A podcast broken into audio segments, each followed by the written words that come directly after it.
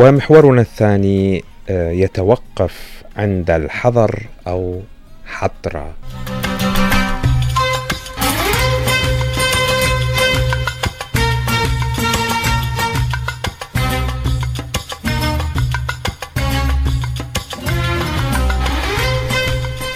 إذا هذه هي الكتابات السريانية الآرامية القديمة. حطرة حضر نينوى.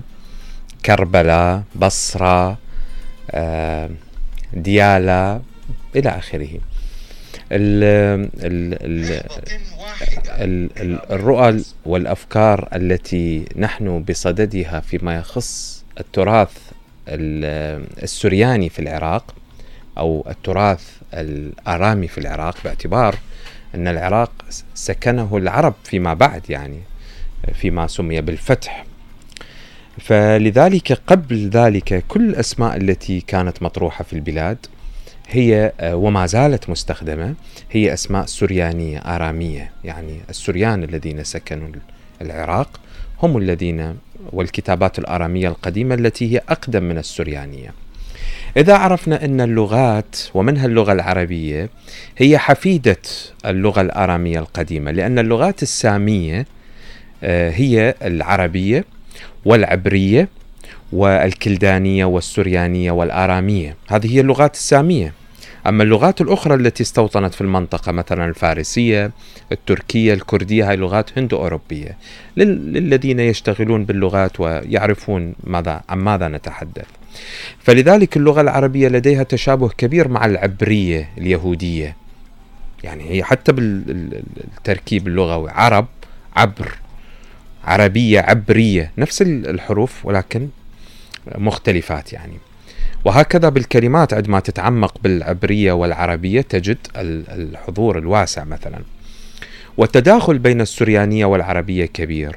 على الرغم من الاختلاف الكبير بينهما لأن كما قلت قبل قليل أن العربية هي حفيدة الآرامية القديمة حفيدة السريانية.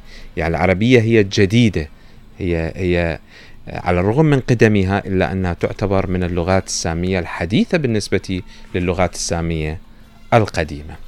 لا آه، أطيل كثيرا. الحطرة أو مملكة الحضر في الموصل التي تعرضت كجزء من التراث العراقي الذي تعرض لتخريب على يد عناصر داعش الإرهابي الذين لم يبقوا لا آه، لا بشرا ولا حجرا إلا وآذوه. أيضا وصلوا آه، هذه هذا أو هذا التراث العالمي الكبير وليس العراقي فحسب. وفعلوا ما فعلوا به كما فعلوا مع الأضرحة الموجودة في في الموصل كما فعلوا مع آه، آه، يعني كل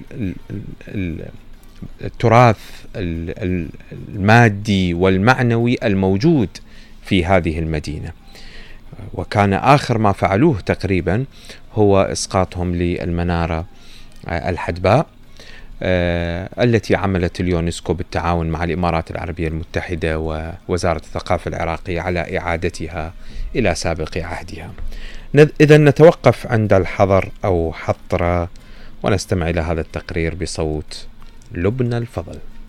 تعد مملكة الحضر أو حطرة كما دون في الكتابات الآرامية القديمة واحدة من أبرز المدن الأثرية في العراق وأقدم الممالك العربية. حاكمها أربعة ملوك فقط وهي أول موقع أثري عراقي يدرج ضمن لائحة التراث العالمي لليونسكو عام 1985 تقع مدينة الحضر في قلب بادية الجزيرة الشمالية التابعة لمحافظة نينوى شمال العراق. وتتوسط نهري دجلة والفرات عند الأطراف الشمالية الغربية من العراق وعلى وادي الثرثار الذي يمر إلى الشرق منها بنحو ثلاثة إلى أربعة كيلومترات. وامتد نفوذ مملكة الحضر إلى نهر دجلة من الشرق والفرات من الغرب. ومن جبال سنجار في الشمال إلى مشارف المدائن في الجنوب.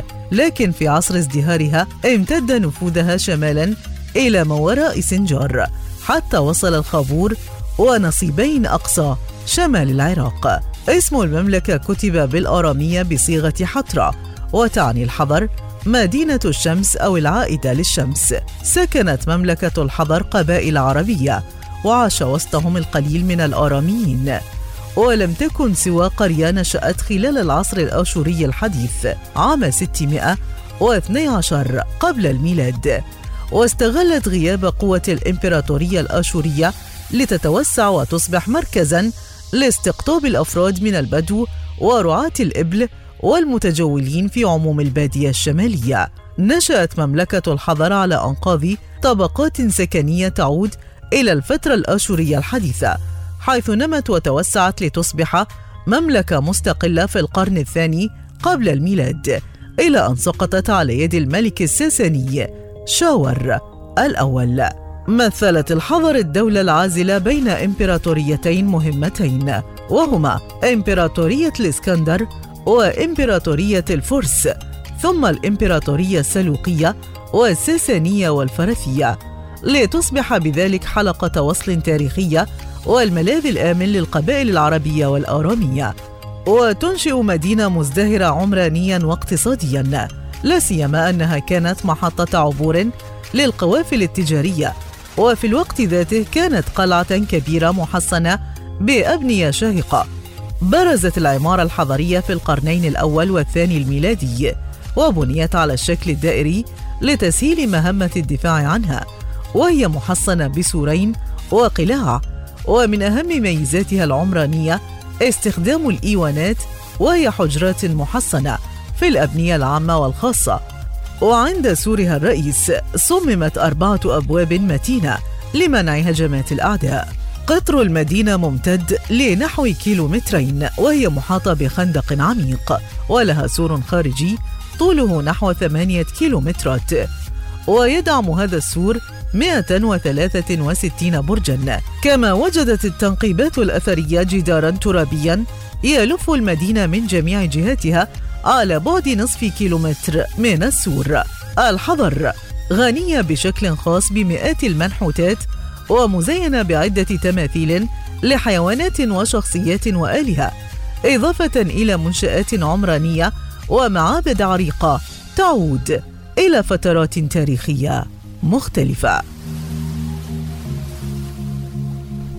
كما تمتعت هذه المدينة بموقع جغرافي أتاح لأهلها السيطرة على طرق القوافل التجارية المارة ببادية الجزيرة كقوافل الحرير والتوابل, والتوابل والأخشاب وغيرها.